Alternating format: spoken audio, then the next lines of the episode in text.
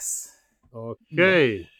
A veste, draga kolegica in dragi kolega, včeraj sem se pripravljal na gostovanje v današnjem podkastu DMS, jutranji, jutranji pogovor. In zato, da bi se spomnil, ne, kako je bilo dve leti nazaj, sem šel poslušati našo epizodo iz tistega časa. Ne. In se super, ne, za pripomoček za spominjanje, bilo je tako in tako. Uh, in kaj sem ugotovil? Ne? Tisti epizodi, mm. na približen ta dan, smo bili sami mi trijene. Tako da, kdo je Antišo videl? Veš kaj, Antišo, imamo v pripravljenosti. Mm -hmm. Kot, če se nam kaj zaplete, pokličemo, če ga na sneg zasu. Krije se iza ugla. Um, Ampak, kdo še štosek za začetek? A ni to dosti dobro, što z Antišo v letu so res spet manjka, kaj na smučanju. Ta je lepa, Ja. bizarka. Ja. Ja. On si lahko prvoš. Ja. Kaj pa če mene manjka, mislim, pa če Ja. Nataša zmanjka. No, čeprav je Nataša enkrat manjkala. Ne? Vse smo skozi, vse skozi Ja. malo krožimo. Da se, veš, kako pokopališče je polno nepogrešljivih ljudi. ne, kdo je že to rekel. Tako da, Lepa. lej, vsak, ki misli, da ni zamenljiv, ne, na pokopališču jih je en kup takih. Um, ja, prav, no, pol pa dajmo špicom, pa se lotimo, ne, snemamo na 25. januarja dan. Pred nami je časna naloga. Meni je včasih nenavadno, kako novinci v politiki kar naenkrat postanejo sami sebi namen. Moja naloga in dolžnost je, da se oglašam ob takšnih situacijah. Mislim, lažje je držati za lopato, moram reči. Diskurs, ki ga slišimo danes, je šovinističen. Fantje igrajo monopoli z državnim premoženjem. To je LDGD, podcast, ki nikogar ne podcenjuje in ničesar ne jemlje preveč resno. V imenu svojih najbližjih in v božjem imenu vas pozivam na lov. To so vsi koraki v smeri večjega socializma. In uh, hvala lepa za ocene, ki nam jih dajete pri vaših podcast ponudnikih. Uh, hvala tudi za sugestije, o čem naj govorimo v epizodah uh, in uh, za vprašanja, ki jih pošiljate. Danes smo rekli, imamo v bistvu tri, smo še dobro, da smo tri, Andraš. Uh, imamo kar. Andraš. Ja. Nič ni hotela s tem povedati. Vem, ja. Uh, ne, ni bilo, to je bilo zelo čisto prijazno mišljeno vse. Kako sta grda, mater, tako je na slabo pomislita. Ni čudno, Andraš, no, kakšne, No, no, s kakšnimi uh, občutki in pričakovanji gremo Slovenci v novo leto? Naj ugibam, pesimistični. ja. To si dobro uganila, če pustiva ob strani, da sem ti minuto nazaj to povedal. Tudi ne. ja, tudi ne, se vem, ja, se vem. Ker, pač kako ne, kako ne gremo drugače kot pesimistično, kako ne drugače ugibamo, kakšni so naši občutki kot pesimistično. Torej, ja. Ja, zmerili smo, tako kot lani, uh, kako, se, kako si ljudje predstavljali točno leto, kako mislijo, da bo osebno za njih in kako mislijo, da bo v družbi in svetu. In, uh, dobro, zasebno smo še kar v redu, tam je več kot polovica, se pravičujem, takšnih, ki pravijo, da bo vsaj enako dobro ali pa celo boljše. Ne? Medtem, ko govorimo pa o družbi in svetu, kam gre pa to, pa tam je pa pesimizem kar, kar jakne. Tam je pa samo še ena tretjina dobra takih, ki pravijo, da bo enako dobro ali boljše, vsi ostali pa menijo, da bo enako slabo ali slabše. In v regiji smo najslabši, kar se tega tiče, oziroma najbolj pesimistični. Da nekje. Mhm. Hrvati Regija so, vključuje kaj? Vse ta Hrvaška. Srbija, Bosna, ja, to v grobem ne. Mhm. Uh, Hrvati so že najbolj optimistični, največji delež tistih, ki pa mislijo, da bo svet šel na bolje, 18 odstotkov je pa v Srbiji. Zanimivo. Ja. Mislim, a, a se čudiš? No, mislim, je pa tam na drugi strani tudi največji delež tistih, ki pravijo, da bo šlo na slabše. Sem, hotel sem reči, da o, pač, ne, bolj, ki greš, što južnije, to tužnije in tam Mm. mm. res sam še na bolje. Ne? to je tudi res. A, ja. ne, Slovenci pa, gledaj, a smo bili kdaj sploh zadovoljni? Jaz, jaz mislim, moje skromno mnenje na vzorcu enega je, da v hipu, ko bomo Slovenci kot nacija optimistični, v tistem hipu bo uh, svet šel v kurac in vesolje bo izginilo v oblačku logike. Kot so peli Srb, če se ne motim, konc sredi 80-ih, mi smo kritični. No, dajmo biti mal, ajde, na seznamu tematik, eh, ki se jih želimo tokrat lotiti, je tale afera v zvezi z stavbo pravosodja in odzivi pravosodne ministrice, pa napovedana interpelacija ene druge ministrice, Stomenove duh, potem uh, tudi dosta živahno dogajanje na relaciji KPK Golob, stavka zdravniška se še, se mi zdi, zaostruje. Pa ne vem, preiskave Jankovič, oziroma zakaj spet ne bo nič. Um, a imate kakšno omiljeno temo, s katero bi želela začeti? Če izberete eno od naštetih, kaj se vam zdi največja zgodba? Ja. No, kolega, dajmo. A zdaj pa jaz, ne. zdaj pa, zdaj pa ki ni antiš, zdaj, čist- zdaj sem pa dober za začet, ne. se vem, ja. Klasika, klasika. Ne. Ma Ne, veš kaj, to je unik, unik, ki ste se vozili z devetko, imate prednost. Ja. ne. Tako kot je rekla diareja, oziroma je rekel v diareji, ne. a za vzimanca smo pa dobri. Ne. Uh, Meni se zdi, uh, o tem, ki jih moram priznati, nisem zdaj čisto vseh pozorno poslušal, ker sem preverjal, če so bili res srp in so bili res. Um, eh, ampak, a si omenila um, stavbo na litijski in posledično? Ja, ja, ja. no, no, no, ta, ta, Ja. ta stvar se mi zdi kar pomembna, ker se mi zdi, da skušajo malo počasi umiliti, ampak je ne bi smeli, uh, ker je šlo tle spet tako vse narobe, kot ne bi smeli, da lahko do bizarke o tem govorimo. Tako da meni se zdi ta, ta stvar kar pomembna. No. Mm, a, kaj si po vseh, zdaj neki dogajanja v zvezi s tem je bilo, eni ljudje so odstopili ali pa bili prisiljeni odstopiti. Uh, pokazali, seveda, bojo te preiskave, kaj je šlo na robe, na kateri stopni, in tako dalje, še tekle. Kaj si misliš o, o tem? A, je- misliš, da res, kdo je vedel, ni vedel, kdo bi mogel prevzeti odgovornost? Si, se ti zdijo odzivi tudi z vrha primerni, pravi, kaj bi ti naredil, če bi bil PV? Um, če bi bil PV, bi naredil verjetno isto, kot je PV naredil, a ne skratka pozval k tem, da se pojasni in, in naredi poročilo, kaj vse tle je šlo na robe, oziroma kaj so res počeli. Ampak z vidika ministrice, pa jaz ne bi prav veliko razmišljal, ne? ker jaz, jaz razumem, da minister je odločevalec, ne? ni zgolj podpisnik. Ne? In če je pač nekdo nekaj prenesel na mizo in se je ministrica sam podpisala, potem pač ni upravljala svojega dela. Ti moraš si vzeti minuto, dve, tri. Jaz verjamem, da, seveda, da ona ne sklepa teh poslov in da ne, ne išče sama nepremičnine in tako naprej. Ne. Nekdo je pač to prenesel iz strokovnih služb, ampak zdaj zgovarjati se na strokovne službe, ne, to, je, to je zelo, zelo spav zakletne. Spav, te spavske službe, so hotel reči. Uh, te strokovne službe, ne, to, ali, ali pravilno rečeno, birokracija državna, ne, so tam že kar nekaj let, vemo, da vse stranke, ko so na oblasti, zaposlujejo tam noter. In ta aparat je tisti, ki v resnici na nek način vodi državo. Ne? V ozadju. Jaz sem večkrat sem že imel to zelo krasno izkušnjo iz študentskih let, ko sem bil član študentske vlade in sem opazoval, ker je bil pač ustroj skupiran po državnem, kako to poteka. ne. Tam, tam ta glavni so bili v bistvu tisti, ki so bili tam zaposleni, ki so nas usmerjali in govorili, kaj ne pravzaprav zdaj kdo počne tam.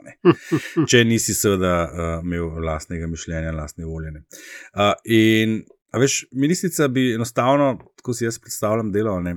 Dobiš na mezo tak predlog, mislim, pogledaš par ključnih stvari in pri taki stvari ti zazvonijo, po mojem, vsi alarmi tako je. Ne? Torej, zdaj ali sploh ni pogledala in se je podpisala, ampak če to tako, pol, kot sem zadnjič na Twitterju zapisal, pol, pol lahko tam podpisuje tudi vsak, ki zna X napisati na unočrto. Uh, ali pa je pač uh, stvar dala naprej, vedoč, da nekaj tle se ne štima, pa ako prođe, prođe. Ne vem, na kakšen način je to šlo. Dvomam pa, da je bila pa ona zdaj tako, bom rekel, subjektivno upletena v to, da si je ona to zamislila ali pa podpirala ali kako koli. Ampak ne glede na to, ne, to je to, če mu rečemo objektivna odgovornost. Ne. In kot je naš kolega odsotni Antiša lepo zapisal, mislim, da na Twitterju, a ne tudi dosledno uporabljam ta star izraz. Uh, 30 let nazaj je šlo par policajev, ga mal biksati v prostem času v celovce ne, in je notranji minister odstopil zaradi objektivne odgovornosti. Ne. Tole je bistveno, bistveno večji razlog za to. Ne. Ali ja, štepke je padla v oči? Posebej? Ja, uh, veš kaj je. ne, Um, se, se, po eni strani se to, kar Andraš drži, ni, ni napak, ne, oziroma uh, samo po sebi. Um, Tisto, kar je vendarle, uh, mislim, kar je zanimivo pri tej stvari, je, da kako je ta dinamika v SD-ju bila. Zelo hitro so se pač razdelili nekako na, na dva konca, pri čemer je tabor okoli ministrice, sem vsaj zdi, moj vtis je bil tak, bil, bil odločno manjši od tisti, tistega tabora, ki bi mogoče rad videl, da bi ministrica šla. ne. Um, mogoče se je treba tudi vprašati o vzrokih ali pa povodih ne, za, za, za, za, to zgodbo. Uh, in tukaj verjetno ni nepomembno, da naj bi uh, tudi ključni ljudje, ki so po strokovni plati pripravljali to zadevo, bili uh, blizu SDS-a. Uh, če smo malo čaršije, ne, se je um, No, pač v, v, v, v krogih, kjer sem se slučajno gibal konec prejšnjega tedna, so se pač smajali, ne, češ v smislu, pa kako ne veš, da je una od SDS-a in ti pa, ki si pa iz SD-ja, in pa kar verjameš, pa kje imaš glavo, vse to vendarle cele grosupla vejo, kdo kam, kdo kam spada. Ne. Ampak kaj je zdaj, če nisi z grosupla, pol ne veš. Ne. Um, Kukorkoli. Tisto, kar tukaj imamo, po mojem mnenju, je pač neko dost uh, uh, simptomatično kombinacijo um, neizkušenosti, naivnosti, lahkomiselnosti in pač oblastniške arogance. Ne. Jaz sem nekoč v čisteni nepovezani zgodbi videl, kako ministri podpisujejo te stvari. Andrašin je točno tako, kot ti praviš, da ne bi smelo biti, samo eden od serije papirjev, ki jih mora v naslednji uri podpisati. Uh, Asumpcija, predvidevanje tukaj je, da so vse službe predtem ta papir videle in se vse strinjale, da je s tem papirjem vse v redu. Tako da jaz lahko pristanem na tezo, ali pa jo vsaj rečem, da je kredibilna, ena od kredibilnih možnih razlag, da je bilo ministrice to podtaknjeno. Se pa strinjam tudi s tabo, da se v, kon, da v končni fazi odgovornost, v končni fazi njena. In je zato zdaj veliko vprašanje, kako bo to sanirala, ali bo to, da bo zamenjala in razrešila ljudi na vzdolj po verigi, dovolj? Ali bo iz tega nastala dejanska materialna škoda za državo, ali bo to mogel moč povrniti. Mislim, da pač njena, usoda še ni jasna, in tudi ni jasno, da bo ona to politično preživela. Mm. Meni so pa dve stvari padli v oči v tem kontekstu konc leta, zdaj vidva, se sta kdaj delala z državo, ministrstvi v kakšni obliki, ne? Mm. ali streljam čist. Uh, ne, sora, sora smo. Ne, ne, ne, Pol vesta. In vsi ostali, da, de, da je decembra ponovadi, kakšen kaj denarja ostaja, in je treba hitro ene stvari speljati, ker drugače si, a bo šlo, pa, bo, pa nam bodo naslednje leto zmanjšali proračun. Pa se pa decembra ponavadi potencira število, nam rekla, tok milijonskih stvari, ampak dajmo zapraviti, da nam ne zmanjšajo proračuna. Ne? To je eno. Meni je pa totalno fascinirana nad hitrostjo, kako se je vse skupaj to hitro. To je bilo kot tri tedne za proces, za nekaj, kar stane sedem milijonov evrov. Ker je vsak od nas že kdaj delal z državo, nič ne plačajo prej kot v 30 dneh. Ne, teh zakonsko plačali bomo, če bo račun pravilno izstavljen, v 30 dneh. Jaz imam trenutno, recimo, evo, ajde, eno za par sto evrčkov odprto postavko dva meseca. Klele imamo pa zgodbo, debelo in težko 7 milijonov, in se v treh tednih pregledali, podpisali, naročili, plačali. Mislim, da to, to ti tudi pove, da so tudi veš, operativci down the line, ne, pač niže dol na prehrambeni lestvici, bili dovolj močno upleteni v zgodbo, da je bilo to možno. Ker vsak Brez dvoma. Ker ima, ima vsak od nas tudi izkušnjo, ne, da je bilo, ko bajagi vse zmeden, pa se ne samo v državni upravi, so tudi vsake malce večje firme, ki ima svojega šefa marketinga. Ne, pa se pa. Uh, pa se pa temen više nameščenec za nekaj, se pa malo spotakne, ki mu je nagrajeno račun, pa se pa vse skupaj postavlja. Tako da mm. to se strinjam s tabo. Ne? Čeprav, veš kaj, sem bi pa samo eno, eno mehko venitico bi moral tukaj dodati. Ponavadi se nove obveznosti za proračun nehajo sprejemati septembra, oktobra. A veš, tako da, da bi ti decembra denar ostal. Ostaja. Zdi... Ostajajo denarji in decembra talajo, ko veliki. Ja, mislim, jaz nimam te izkušnje, bi jo rad imel na Jaz se nimam, da bi jo dobila, jaz, vem, jaz samo poslušam o tem. Da, da, mislim, se tudi, če pogledaj odpreš, rar, se to zelo lepo vitane.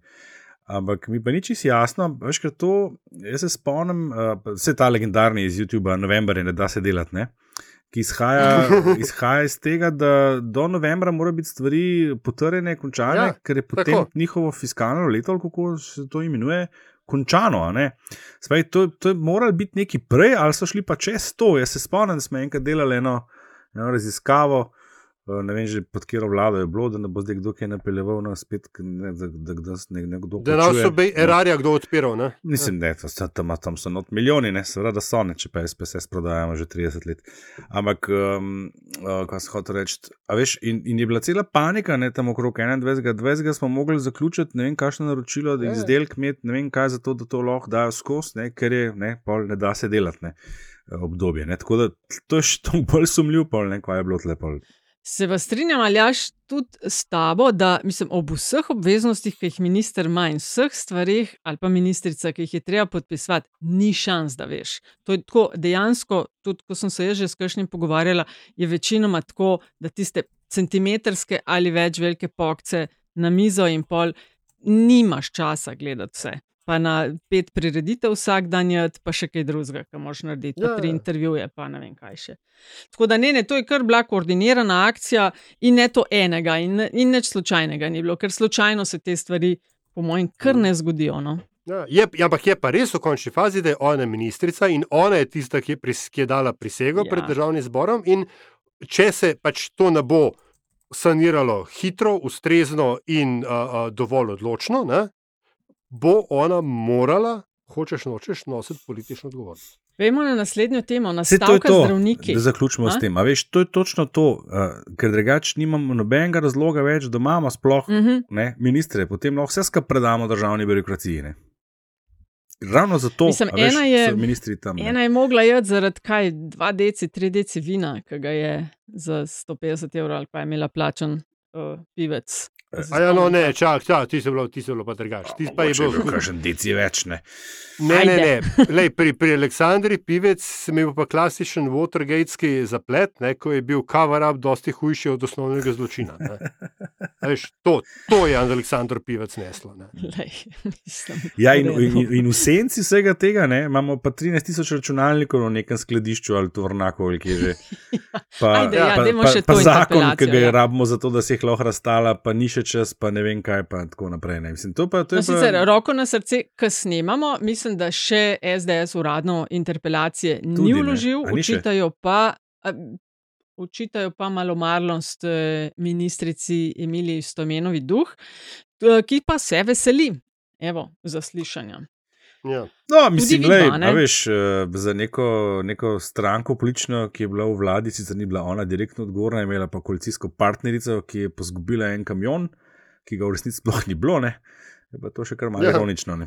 Mislim pa predvsem, a veš, SDS res ta zadnji, ker lahko v tem kontekstu kaj reče. eh, Tudi, ja, koalicijska partnerica in tisti digitalni bolni, ki so, ki so pol mladi na veliko Apple sluške Mhm, kupovali. ne. mhm. Tako Pa da, pa da tisti- o, o servietih z gumicami na mesto maske recimo, govorimo. ne. Tako, ja. tako da karkoli reče, je tako zid, adijo.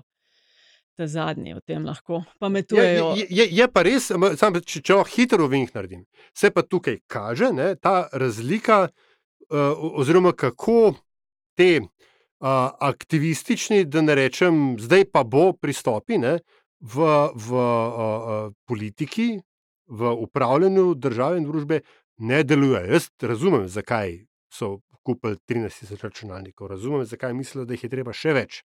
Ampak to pa ti, da ti najprej kupiš robo, pa rečeš, ah, šak, šit, kako bomo mi to zdaj razdelili, ja, pis, da prej bi mislil. No? Ja, veš, Amaterizem Sem- v politiki. Ne? Ja, ja, ja ta navdušenost je spet podobno kot pri Dominiki. Ne? A, a, lahkomiselnost, naivnost, Mm. a, a, neizkušenost in mečka aroganca. No? Ma pismo, kakšna naivnost je, bemo Isusa, no 13 tisoč kompjuterjev, ki stojijo dva meseca že noter, dva ura pa pol se njihova shramba plačuje, eh, očitke imajo o zastarelosti, o neustreznosti, razdelili so jih pa fucking 39 denjih. Ja. No. Vem, sem potem, ker je nekomu potem jaz, veš, da mi je zelo dober, se mogoče ga bo danes omedel. ne. Uh, Klemen Boštjančič, ministr za finance, Ja. pri, pri Rosviti je bil, ne? uh, Rosviti pesek, je rekel, kako, kako zelo ne bi bilo prav, če bi do računalnika prišel tisti, ki se je sposoben prvi prijaviti na spletno obrazcu preko računalnika. Lej, kako zelo, ko to naročimo, moramo vedeti, zakaj naročamo. Ko Tako je. Andraž v firmi naroči, aha, zdaj pa rabimo, ne vem, to pa to, ve, zakaj to rabijo in zakaj bodo porabili. Ne gre pa, Ja, ja. dajmo zdaj pa 20, eh, ne vem, CD-jev kupiti, rabi pa nobenega. Ja, ja, no, vse pač o tem govorim, ker treba pač najprej razmisliti, ne prej bi mislil, preden si v to žal, čeprav recimo, recimo da bene- benevolentno rečemo, da je bil namen res dober. Ne. Ja, se to je to. Ne. Pot pekel je tlakovana z dobrimi nameni. Je rekla vsaka teta, Aha. potem, ko, je, ko so ji rekli, naj z- vendarle zapre medicinski leksikon in neha iskati bolezni svojih vnukov ali nečakov. ali. Nekaj. Uh, Pejmo na zdravniško stavko. Še kar tega ni konec. Uh, v, na, se mi zdi, dveh nivojih se to dogaja. Eno so aktualna plačna nesorazmerja, uh, sindikat Fides, ki si prizadeva za izboljšanje plač uh, starejših, izkušenejših zdravnikov specialistov, drugo pa so pogajanja o reformi plač. Um, nič, kaj novega? A je bilo kaj novega v zadnjih dveh tednih, razen da se je vse skupaj zaostrilo, da del vlade z uh, drugima dvema sindikatoma, s katerima se pogaja o reformi plač, vzgoja in izobraževanja, ne, je uh, dosegel dogovor o tem, da se zamakne vse skupaj in se mal počaka, s Fidesom pa to ne gre. Zakaj? Ps, Mislim, kolega, kakšna ideja? Mm, pogrešam Antišo danes. Ja, ne, se, no, pa dajte vi, kolegica. No, um, kolegica, se, mi- okrog se, mi- se mi zdi, da, na, da je vprašanje napeljuje na, že od, na odgovor. Ne, Tako Ne, ne napeljuje. Jaz se sam sprašujem, nimam, mislim, jaz ne delujem na tem področju. Prebrala sem en kup stvari, vidim, da se spet delimo na dva tabora, naši, vaši. Uh, meni se to, mislim, da smo že debatirali v našem podkastu. Pač meni se zdi poklic zdravnikov in zdravnic zahteven. Oni se dolg časa šolajo in usposabljajo. Prebrala sem v enem poročilu o zdravstvu v Sloveniji za lansko leto, to je od 11 do 15 let traja šolanje, da lahko oni samostojno upravljajo poklic. Jaz mislim, da bi si zaslužili visoko plačo, ampak to isto sem rekla tudi, ko smo se pogovarjali o plači predsednika vlade, predsednice države in tako dalje. Ne? V tvoji državi bo imeli vsi V visoko moji plačo, državi bojo, mislim, ne bo neke uravni, mislim, meni se zdi uravnilovke, ne, zdaj, aha, toliko pa, je bilo številja toliko, zakaj bi pa zdravnik več in podobne bedarije. Ne. Mislim, dejstvo je pa tudi, veš, da so oni najbolje plačani javni uslužbenci in da klele očitno je nekaj, kar nimamo dogovorjeno. Ker, veš, zdaj bojo tile starejši, mi bi več, pol pa točno vemo, da če se bo popustilo, bodo čez pol leta se oglasili ali pa čez eno leto mlajši, ker bo diskrepanca in preveliko nesorazmerje. Ne. In kar me, to sem tudi rekla v eni od prejšnjih epizod, vedno moti mal. Vedno stavkajo pri levih vladah, ali pa se z desno takoj zmenijo, pri levih pa je problem. No, dobro, da si to omenila, ne? ker tle, tle res, res smrdi po polarizaciji politični. ne. Se se tudi vidi, kdo na kateri strani politike to stavko bolj podpira in kdo manj, in odkot se oglašajo in s kakšnimi argumenti prihajajo, z kere strani. Škaj me tle zanima, v kolikšni meri je Fides res predstavnik uh, vseh zdravnikov, ne? ali gre samo za en del njih. Ker jaz imam občutek, da to ni tako, tako enotno stališče, pa da ni tako um, črno-belo vse skupaj. Um, tudi če sodam, po, mislim, zdaj spet bom pa jaz, ki ne bi smel tega delati po vzorcu ena, ne, sem dva dni nazaj rabil neko stvar od osebne zdravnice, mm, ki bi jo, mislim, ja, seveda je za me nujna, ne, ampak eh, po kriterijih, kakšnih pa verjetno ne, to zelo, ali pa, kaj pa vem. Ampak, kar hočem vedeti, dubu sem jo pri drugem klicu že in dubu na telefon in mi je uredila, kar sem rabo brez problema. Ne. Hvala, tržnica. Uh, torej, a veš, uh, tam jaz recimo nisem dobil nobenega občutka, da kdo kaj zares stavka, kar me daje, mm. -hmm. daje uh, sluti, da pa morda res niso vsi zdravniki povsem na isti strani. Mislim, probleme s plačami ima lahko, načeloma vsak bi imel višjo plačo, to je dejstvo. Ne? Ampak jaz se ne bi da to spuščal, ker res ne poznam teh uh, razmerij, ne so razmerij, mm. koliko so te zdaj plače visoke, še manj bi si želel soditi, ali so dovolj visoke ali ne. ne.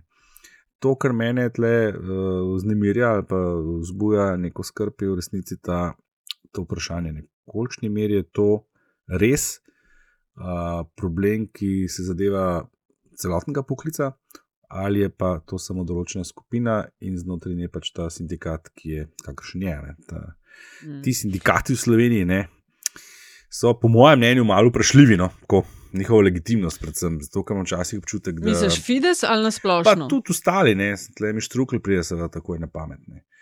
Um, tudi zaupanje sindikate je zanimivo. Ne. Sindikati ne bi predstavljali v bistvu zaposlene ljudi v, v, v različnih sektorjih in poklicnih skupinah, in tako naprej, ampak zaupanje sindikate v Sloveniji je, je izjemno nizko. Ne.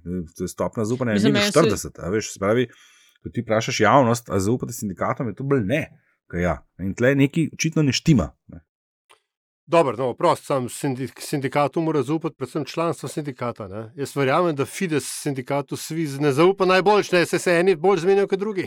Ja, ne, če imajo pa vsak svoj sindikat, pa pol ti vprašaš, kakšni meri zaupate sindikatom, pa govoriš mogoče o svojem, ne, valjda ne, pa še vse na koncu sprejemš na minus 40, je pa to, a veš, ne. Ne, se malce zabavam. In ne, dejansko tukaj pač a, nasploh ta koncept sindikalnega gibanja ki je uh, sicer zdaj tega malo manj, ne, ampak pred časom je bilo pa to do, definitivno, predvsem, interesno združenje za čim prejšnjo upokojitev. Uh, Klej je problem. Ne. Ampak hotel sem, hotel sem dodati še nekaj. Ne.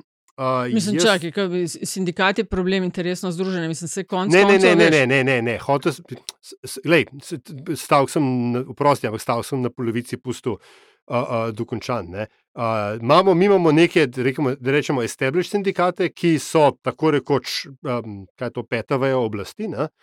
Um, po drugi strani imamo pa neke up and coming sindikate, ala mladi plus in tako dalje.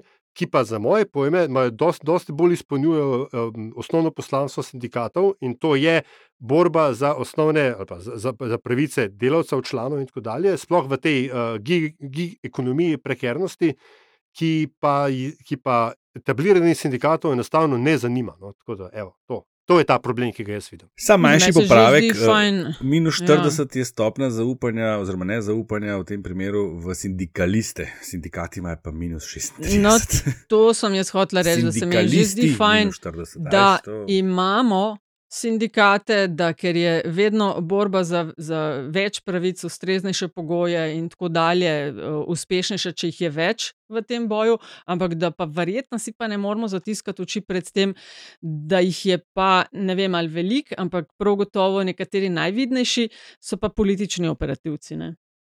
Mogoče malo bolj kot kar uh, sindikalisti v klasičnem, kar piše v knjigi. Ja, veš, kva, ampak v resnici ne, ne. Zato je treba, tukaj pa vendarle treba vedeti, da je pač povojna Evropa temelji na soupravljanju in to ne samo socialističen del Evrope, da, da smo se nejasni. Sindikalizem je alive and kicking tudi v Zahodnji Evropi in so, in so recimo, jaz sem spet zdaj klele v Luksemburgu gledal, ker so oktobra so imeli volitve. Pa so ene pet, pazi, pet tednov so sploh usklajevali koalicijski sporozum. Veš, kaj so najprej naredili? Šli so vprašati vse te velike sindikate, kako si pa vi to predstavljate. Tako da sindikati kot, kot eh, faktor v oblikovanju politik so tudi v Zahodnji Evropi a, a, zelo, zelo močni, a, kontinentalni govorim, ne, in, in, in zelo vplivni. Tako da to ni, tle ni neke blazne razlike ali pa ni to nek slovenski unikum. Sorry, sem to. Mislim, glede vplivnosti gre ali je sindikat kot moč več ljudi skupaj, ki se za nekaj borijo. Seveda so bolj vplivni, kot če greš ena na ena, drugo je pa vplivnost, ali je tako kot Fides, ko prideleva vlada, hop na okope, ko je desna, tega problema ni.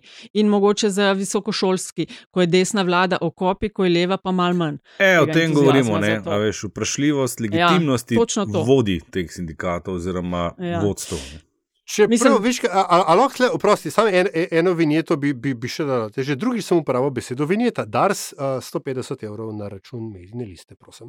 Um, šel sem gledati za potrebe mojega, sicer priznam, pre, precej omlednega tek, januarskega teksta na, na, na Siolu.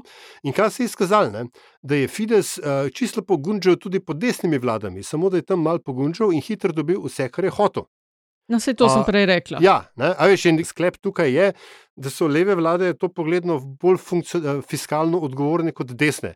Da, vrek račun ima zdaj na srčen napad. Ne, ampak, anyway, uh, sam, sam to. No, da, in še nekaj. O, mater, imaš ti enih mnen. V osnovi, v osnovi je štrajk Fidesa, po mojem mnenju, še vedno trdim, v osnovi je utemeljen. Zato, ker vlada je nekaj obljubila in vlada se tega ne drži. To, da so se oni zamenili z ostalima dvema sindikatoma, da bodo to z neki pomutili, v redu, vsaka čast. Ampak to ne pomeni, da je osnovna zahteva Fidesa neupravičena. Tisto, kar pa je problem pri Fidesu, je, da tole stavko, po mojem mnenju, oni zdaj le PR-ovsko zgubljajo na celi črti.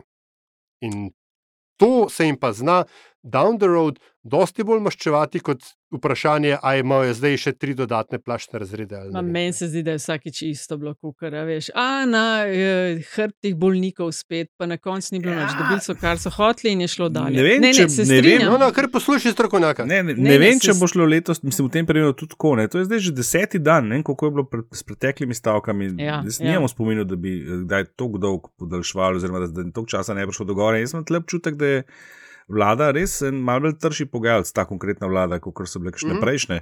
In, in da stvari ne grejo tako, kot si si zamislili. Jaz mislim, da z vsakim dnem bo gnev pacijentov večji, sam ne bo usmerjen proti državi. Ampak proti Tako tistim je. zdravnikom, kjer ne dobijo, so, so zdravniki, ki, kot recimo moja zdravnica, veš, ki je očitno precenila, da, da, da, da mi bo pomagala, zato ker je to ok. ne. Uh, Kakšni drugi pa mogoče ne.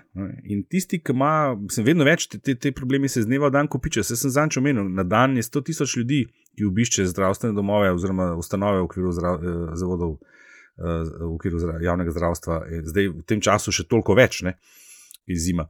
Uh, in eh, to se kopiči, to se kopiči. In jaz mislim, da v nekem trenutku se bo ta gnev obrnil proti, proti sindikatu Fides, predvsem uh, zdravstvu, bolj nasplošno, zdravnikom niti ne toliko, nekaj niče se pa se po drugi strani seveda noče zameriti zdravnikom, sploh ne svojim osebnim. Ampak jaz mislim, da bo tole, da tole Fides tole zgubljeno. Če To ne, sem, je slab PR. Ne? In se vsak je tako, ki doma na pivu ali pa s kolegi, v kakšne plače vlečejo, ne? čeprav niti ni tako res, ker si pa v direktnem pogovoru z zdravnikom, pa tako, kot si rekel, Andraš. Ne? Komu se pa hočeš zameriti, pišeš, kaj boš naslednjič rabo pomoč, ker to, te pomoči, ki jih rabimo, so ne vem, na življenje in smrt tudi lahko. Tlej, ne. najbolj elegantna pozicija je: podpiram zdravnike, nasprotujem Fidesu. a ne? Ja, Ampak, ja, glej, ja, ta, ja. ta primer danes, ki smo mu bili priča, ne, članek, eh, ki ga je objavil, kot ti temu rada rečeš, hišni bend, ne, uh, o anesteziologu, ne, ki, je, ki je živel v neprofitnem stanovanju, medtem ko je obnavljal razkošno vilo. Ne. Zdaj, mislim, spet lahko rečeš, ja, ne, to je klasičen hit. Ne. Uh, fino, so ga, fino so ga detektirali in ga razkrinkali, ne, enega samega namočili, ampak klinac, ne, po drugi strani pa, a, a, si se mogel oglašati mislim, s takimi Ne, mislim, nebulozami. točno mislim. to. Pravilno Primerjava, mislim. primerjava A s čistilko, ki dobi 200 evrov na uro, ker je tu pa tam kakšna, ki gre na par ur kam nekaj pomagati. Ne. Ampak res si gre on, ne, kot doktor, primerjati s snežilkami in mislim, čisto resno. Ma, Eh, To je eno to, pa v ne. stanovanju, porka Dijaka obnavlja To, unga za ne vem mislim, koliko ne, milijonov. Še premalo so napisali o njemu. Daj, Ampak, veš, ja. to so. To je to, kar ste prej rekli, slab PR. Tle, tlele, s takimi zgodbami pa verjetno bodo še kakšno van kje potegnili. Ne? Pa so to, Mm. mm. rečemo, lahko spet osamljeni primeri, ki jih absolutno ne bi smeli posploševati na vse zdravnike in doktore, bog ne deja. Ne? Ampak to bo vse uh, uh, obračalo srd državljanov proti, proti sindikatu in proti zdravnikom nasploh. Tam, to, kar se Mhm, bo mhm. Tle, tle zgubljajo, definitivno. Glede te, te zgodbe, ne, to je unflet na grajskem, una bajta na grajskem hribu, je, ki ne? gleda na, na grubarja, meni se zdi. Ne, Mislim, meni tako zgleda. Vse se enkere. Ja. A veš, kaj se, veš, kaj se pa tle? ne, ne, sme- ne sorry, sorry, s- s- samo to, ker je pač kafora tega fleta je še v tem, da je tukaj še država povozila občino, da je, spomnim, da je ja. dovol, dovolila ne, in da bo takrat ministr za okolje Janes Podobnik. Ne. Uh, ampak tle pa se ne sme pa pozabiti, ne, da ne bomo tega spregledali. Ne. Eh, Kako pa je Mm. ta gospod prišel do neprofitnega stanovanja? Jaz mislim, seveda, ne, ta to, del to, je. to je bil pa, kje, kje so zdaj mediji in novinari? Ne? Kje, ne? Kdo bo šel zdaj na mol preverjati, kako je lahko sploh prišlo do tega? Mol, mol pa kriterij za To in stari, koliko to je znanost. neprofitnih stanovanj je še v rokah ljudi, ki jih ne bi smeli imeti. ne. Ja, ampak ja. No. A smo že a pod- smo že po občini? Medtem Mislim- ko, medtem ko gradijo vile in jih obnavljajo. Evo, lej, Mislim, to- bo, pejmo na občino. Ja, mislim, pod črto pač zaradi staranja prebivalstva se potreba po zdravnikih povečuje. In evo, ko smo že prej dali v kasico prasico, kaj delamo, da to naslovimo. Ne? Uh, in drugo, izdatki za zdravstvo naraščajo, kje bomo jemali. Ne? To so stvari, ki so reformne, ključne za našo prihodnost. Tako da to sam, a bo en zdravnik imel 500 ali urja več ali ne, je treba kar kopico drugih stvari znotraj te reforme se lotiti, preden se bo koga dajalo v višji plačni razred. Uh, gremo na občino, ali jaš, to je pa tvoja tema, ker je tvoja občina. Ja. Jankovič. Sej ni, da bi predolg, z, ni, da bi predolg Zoran, izgubljali. Zoran Jankovič je imel spet hišno preiskavo, oziroma kot je nekdo komentiral na Twitterju, spet je torek. Roke gor, kdo misli, da bo pa tokrat kaj drugače. Mislim, jaz ti lahko povem, zakaj ne bo. Ne glede na drugače, po to, da se ne vidimo, eh, nobene roke. Ja. Nobene roke Nobene-. No, to, to pove vse o tem. Ja. Ne, glej, ne vem, pač, a veš, mislim, Zoran Jankovič je pač naredil kariero več kot eno pri, um, kako že nekdo ga je enkrat dobro opisal, rekel, on skozi z nogo visi mal čez uh, polje dovoljenega, ne? ampak nikoli pa dol ne stopi, oziroma, ne, oziroma če stopi, naredi to hitro, da ga noben ne vidi. Ne? Uh, in je, meni ni čisto jasno, točno kaj kle zdaj preizkujejo. Čeprav razumem, so neke sponsorske pogodbe v igri, Ja. In to, in to je spet ta Jankovičeva, ne, bo, boš ti dubu en posel, pa pa naš ti men dal, ampak boš sponzoriral neki v mestu. Ne. Enkrat vem, da me je Jaka Bizek mi je, mi je, mi je glavo odprl skoraj na Twitterju, ker sem rekel, pa kaj pa kle na robe. Pa mi je povedal, zakaj je kle na robe in sem prav. Ne. Pač koruptivno namen je koruptivno namen, čisto vse, kdo je njegov uh, prejemnik. Ne. Uh, ampak um, to dokazati, a veš, lej, morda bo tokrat drugače, ne?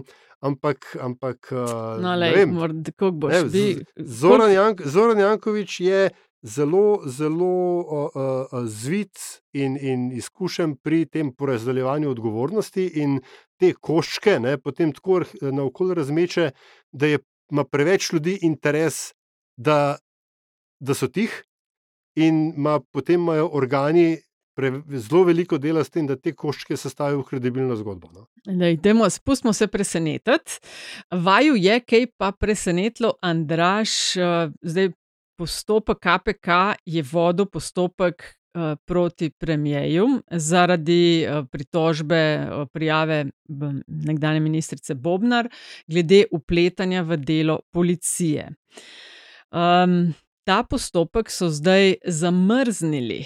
Uh, vaju je to kaj um, presenetilo, ker se je seveda že na veliko odmevala izjava Nataše Pirc-Musar, predsednice, ki je v intervjuju za N1 na vprašanje, ali bi moral premije odstopiti z položaja, če KPK ugotovi kršitev integritete, odgovorila uh, pritrdilno. Ne, potem pa nekaj dni kasneje KPK zaradi ne vem kakšnih procesnih eh, zamrznjuje postopek. Kar pomeni, Da premijeju še ni treba odstopiti, hočeš reči. kar pomeni, da se je vse malo zamaknilo. Um, ne vem. Mislim, uh, a to smo že v prejšnji epizodi komentirali, to izjavo predsednice, a ne to smo že dali skozi. Ne vem, če smo imeli, mislim, da je frišna. Ja. Nismo, A- je, nismo. No, ker tle, tle je kar bogato iztrčala. Ne. Ta, ta njen ne bom tiho, je šel tle malo mal en, en korak predaleč, pa to iz ust pravnice, mislim, kamon. Um, jaz mislim, da jaz sem bil tle še način presenečen nad spretnostjo. Uh, uh, te vlade, oziroma te garniture. Ne. Ker To so take poteze, ki kažejo, da, da ta vlada se, se uh, enih stvari loteva malo drugače kot prejšnje vlade, novih obrazov, da niso taki popolni amaterji. Ne. Pač ne, kazenski pregon očitno ima tle prednost ne. In zaradi tega je mogel KPK to ustaviti. Spretno, spretno. Ne. In možno ne, da to seveda pomeni tudi, da bo to dolgo trajalo, da, da KPK sploh ne prišel do tega, do konca tega mandata. V resnici je, je še nekaj. Ne? Uh, vi, baš prav, Gambit je kle kar dober. Ne? Ker če, kaz, če kazenski pregon rezultira, rezultira slučajno ne, v ovadbi premijeja, pa je to kar bed. ne.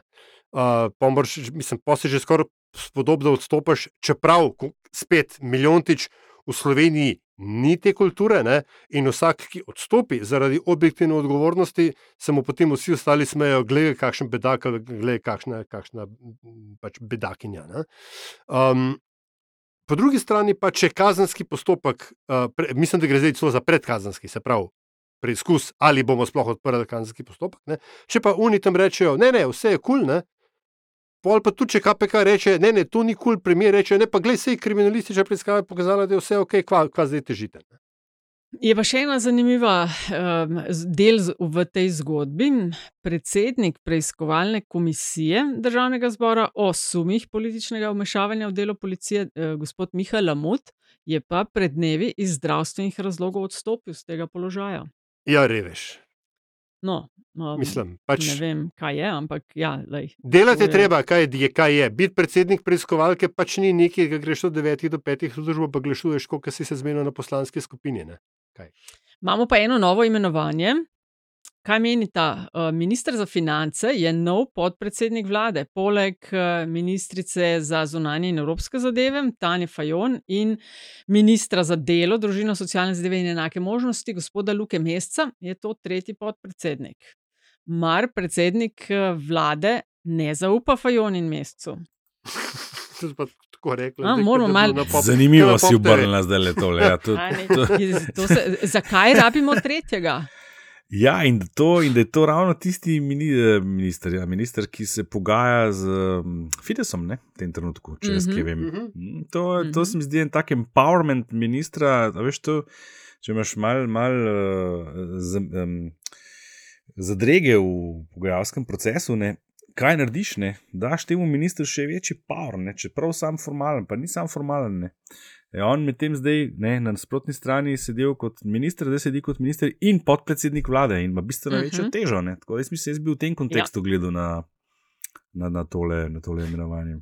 Pripravljajo ga za prevzem oblasti. Da, Kje si prebrala to? To, To nisem nikjer prebrala. A ti je na misel prišlo to Zagovarjam pa, Zjutraj je svanulo.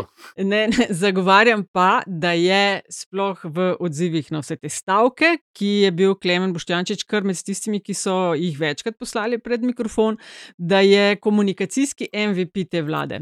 To si Uh, danes eden boljših napisala, ja. v Se strinjam, se strinjam. v nastopanju. Spreten, ne daje tist, eh, dovolj odločen deluje, spreten z besedami, hkrati se zna nazaj povleči v smislu, to ni bilo dobro, milo rečeno, tako in drugačne.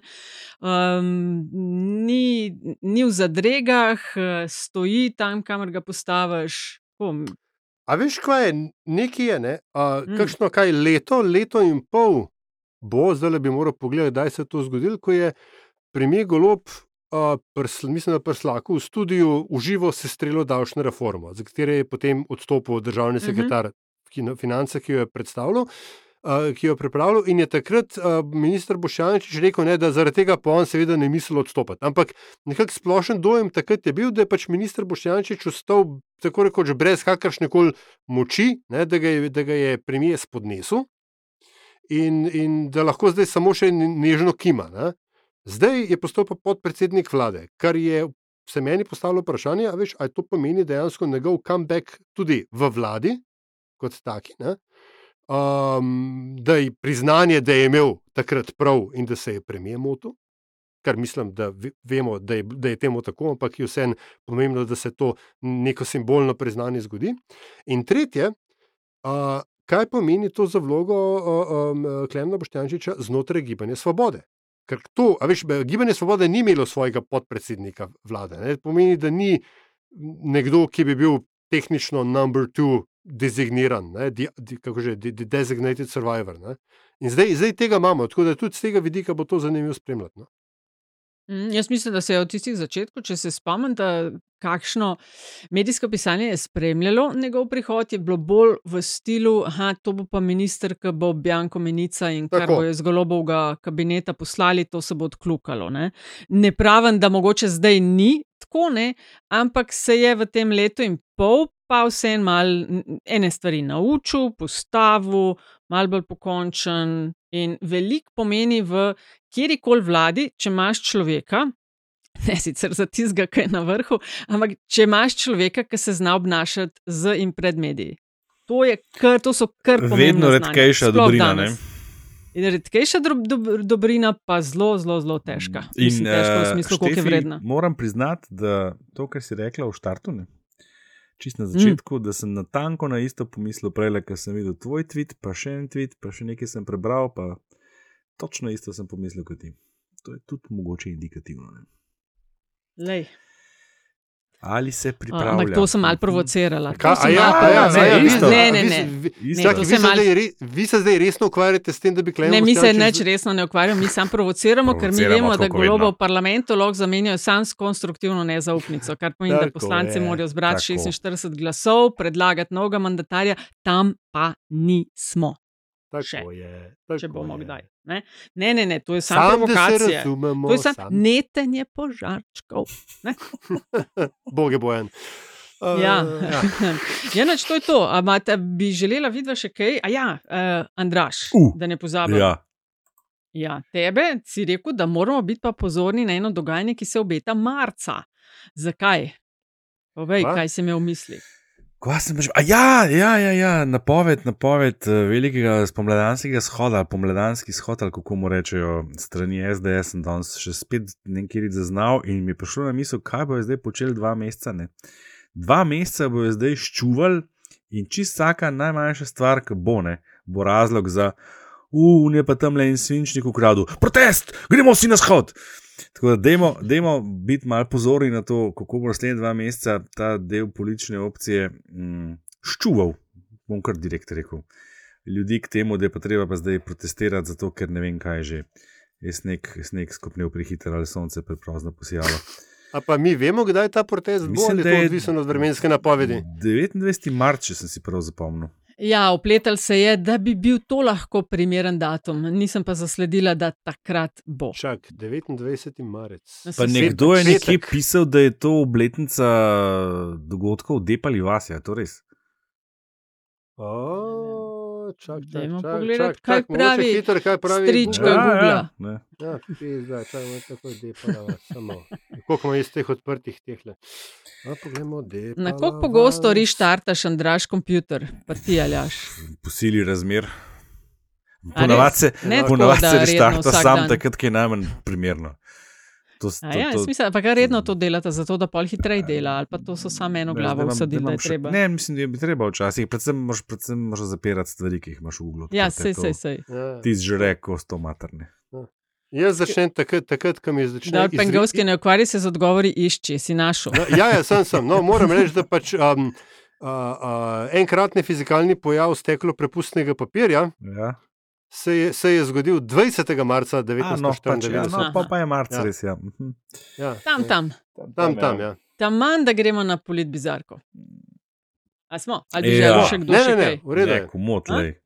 Cool. Ja, eh, žal ga z nami ni, ampak Aleks cepi drve, kar je Antiša predlagal za polit bizarko v devetem krogu, je zmagal. Tesno, ampak je 36 odstotkov vas je glasovalo za to.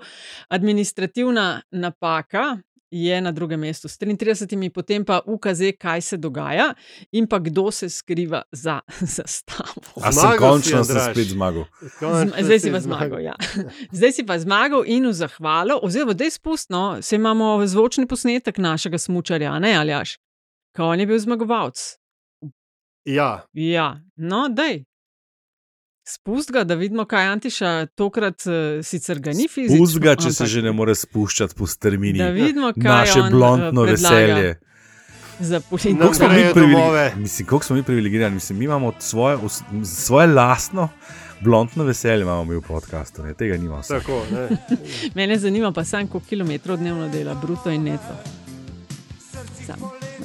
V srcu poletje in sneg na zaslonih, zveze so dobre, še malo in šlo bo za res.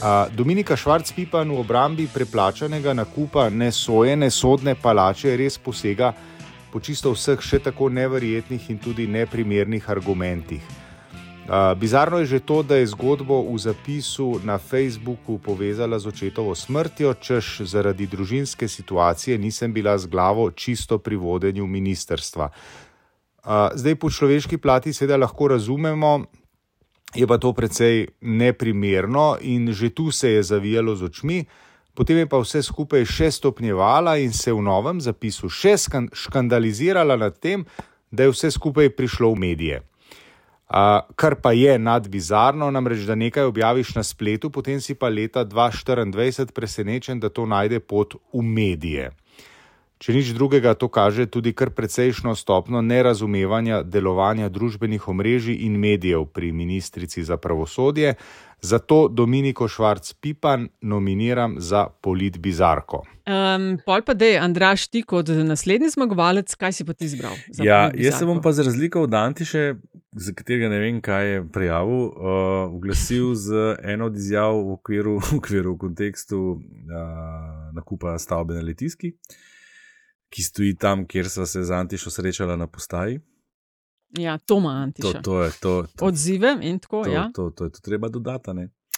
Uh, in sicer uh, predsednica je zdaj v nekem trenutku izjavila, to je bilo 19. januarja, če smo natančni, Nihče nima bjanko zaupanja pri nas, posebej ne tisti, ki delajo v javnem interesu. Ja, to je bilo na RTV, MMC objavljeno. To je še kar ironično, glede na to, da je v bistvu ministrica igrala točno na to in se v bistvu še zgovorila na zaupanje strokovnih služb, ki jim je očitno bjanko zaupala, a moram da 10 evrov za to. Mm, in, in da je prišlo do tega, do tega kar je pa prišlo. Ne, to je moja bizarka. Skratka, eh, izjava Fajon, ja, nima bjanko. Zaupanja minice, pri nas. Zaupanja. Mm. Okay. Ali jaš pa ti?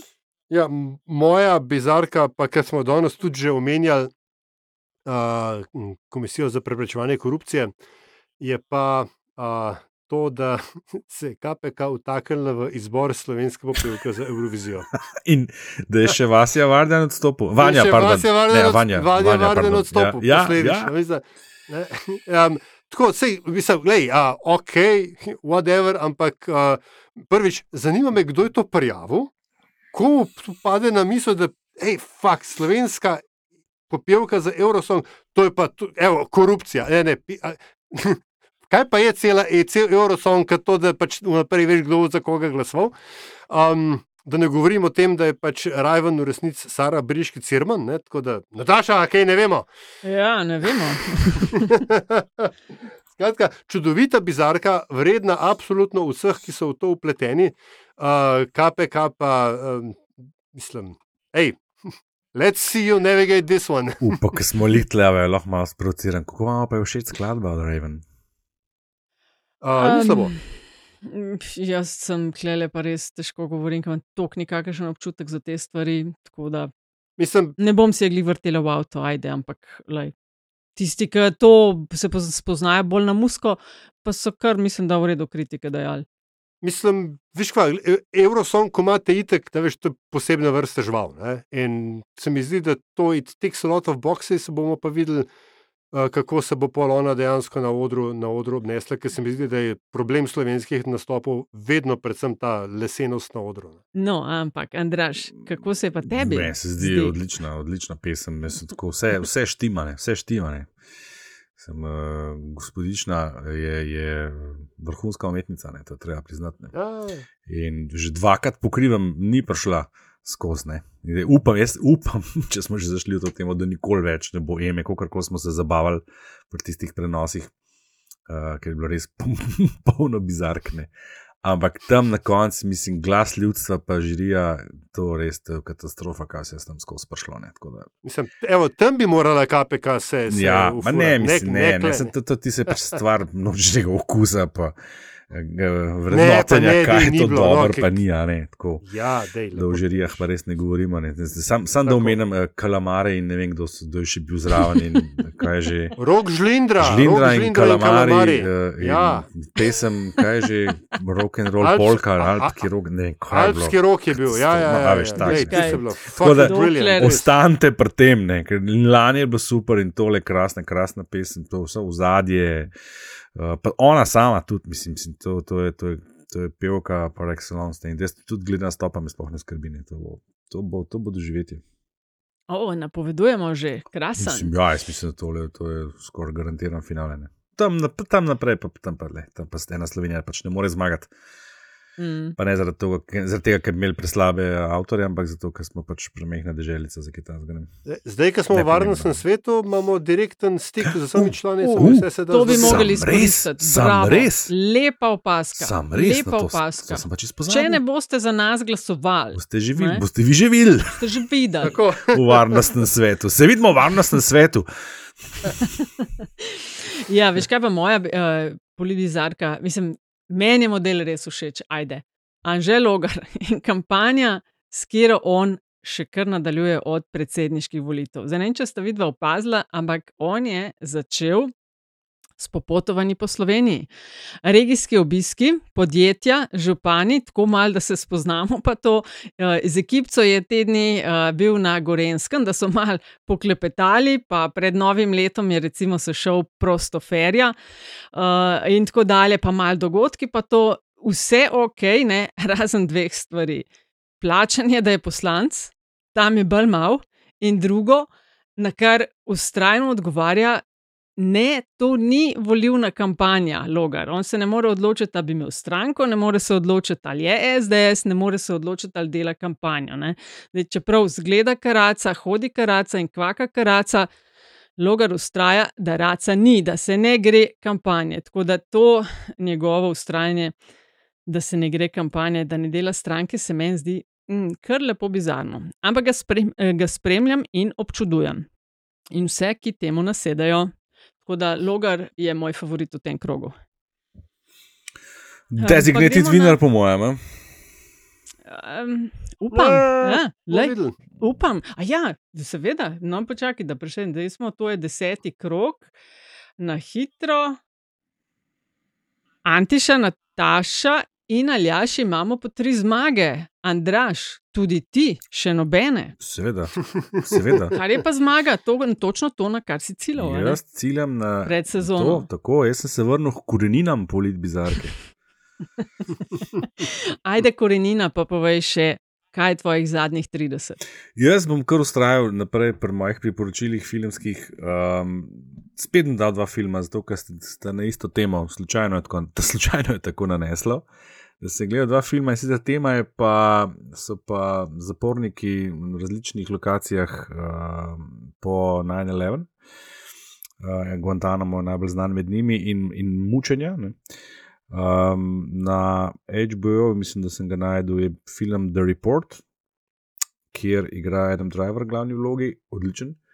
Uh, in uh, prikazuje zgodbo o zaposlencu pri senatorki, katerega imena zdaj ne vem na pamet, ki je bila šefica preiskovalne komisije oziroma šefica nadzorne komisije za delo tajnih služb, se pravi nadzirala CIA v glavnem. In ga je pooblastila, da razišče, kaj se dogaja z neki posnetki, ki so zginili. V glavnem, ta gospod je delal leta in leta in razkril vse, kar je delala administracija pod Bushom, ne da bi on to vedel, prvih par let.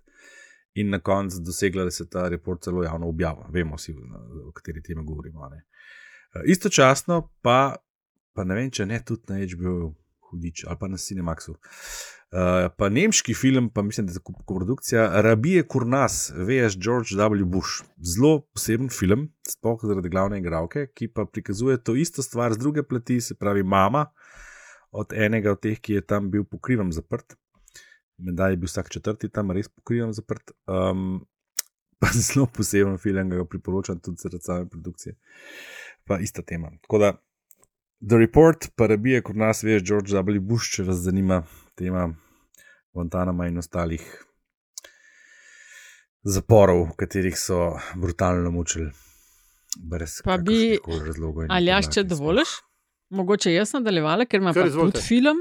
In sicer film Pretekla življenja, film, ki govori o povezanosti dveh, ki sta bila tesna prijatelja v otroštvu, potem je pa ona iz Južne Koreje emigrirala v ZDA, sta malo izgubila stik, ampak se čez leta spet najdeta, tako malo autobiografska drama. Uh, zgodba in občutki nekoga, ki se je izselil, tako zelo pozoren, tenkočuten film, sicer pa nominiran tudi za Oscarja za najboljši film in izveren scenarij. Pretekle življenje res priporočam. Ali jaš izvoli? Da sem pa jaz na vrsti. Uh, ja, jaz vam pa v bistvu priporočam nekaj, kar sem že pred kakšnim tednom, dvema, skoraj videl na Twitterih in se mi zdi blazno kul. Cool. Sicer tega še nisem uspel implementirati, ker je za Windows mašine stvar drugačna kot za Mac mašine, ampak uh, Rok Benedik, uh, dobitnik Red Dot uh, dizajnerske nagrade in, in, in kaj ti mu reče, senior product designer, je oblikoval uh, screensaver v obliki iskrene ure. Če se jih spomnimo, še iz osnovnih šol in tako pač te um, oranžne, pa modre so bile, um, ki so visele po, po, po hodnikih, ne, in smo jih vsi, vsi gledali, in imajo ta zelo specifičen typeface, pravi tipografijo. Ne, uh, jih je uh, predelal, oziroma naredil v screensaver za, če prav razumem, za meke, upam, da najdem način, da to deluje tudi na Windowsih. Uh, zdi se mi enostavno blazno kul, cool, tak, tak dober um, mini projektič, uh, ki nas v bistvu spominja na to, da je industrijski dizajn tudi v ne, dobrih starih časih v Sloveniji bil zelo na vrhuncu. In se mi zdi to več kot omembe vredno. Tako da, rok Benedik, vsaka čast, link Štefi boš pa dala v šovnovce. -huh. Roka najdete tudi na Twitterju pod Benedik Rok, če bi Tako želeli je. slediti njegovim objavam. No, da slišimo, kaj pa priporoča Antiša. Mojih zadnjih 30, tokrat resnično priporočam branje knjige Imperij pokojnega poljskega novinarja Richarda Kapučinskega, upam, da sem prav izgovoril to poljsko ime. Gre za zbirko zapisov z različnih območij nekdanje Sovjetske zveze, ki so nastajali v obdobju nekaj desetletij. V njih pa avtor piše o svojem dojemanju te resnično velike dežele. Uh, gre za res totalno nepretenciozne, a informativne zapise iz kavkaških in srednjeazijskih republik, sovjetskega daljnega vzhoda, s poti z vlaki, avtobusi, letali in tako naprej. In če se odločite prebrati eno samo poglavje iz te knjige, res priporočam tisto o gradnji in Stalinovem rušenju Moskovske cerkve Kristusa odrešenika v Moskvi, kjer si je Džugašvili zamislil palačo Sovjetov. Zato so cerkev porušili, palače nikdar zgradili, v gradbeni jami so se redile žabe, dokler potem Hruščov nekih 30 let ali 20 let po, po rušenju na tistem mestu ni odprl, pozor zdaj, plavalnega bazena. Perverzija, ki jo avtor vrhunsko ubesedi. Richard Kapučinski, Imperij. A ima še kdo kaj zapovedati, zaključna beseda? Radi se imete. Pa brez zamere, ne. Uh, jaz bi pa nadaljavo rad pozdravil poslušalca, ki ga žal nisem vprašal po imenu, sva se pa minuli konec tedna prijetno zgovarjala med vožnjo z gondolo na krvavec. Hvala torej, dragi poslušalec, za prijeten pogovor in tudi za tvoje naklonjeno mnenje o našem delu oziroma podkastu, ki ga pravkar poslušate. Se pravi, da se je ponovila usoda, usoda iz celja, ponovila se je usoda iz uh, uh, Krimske vojne.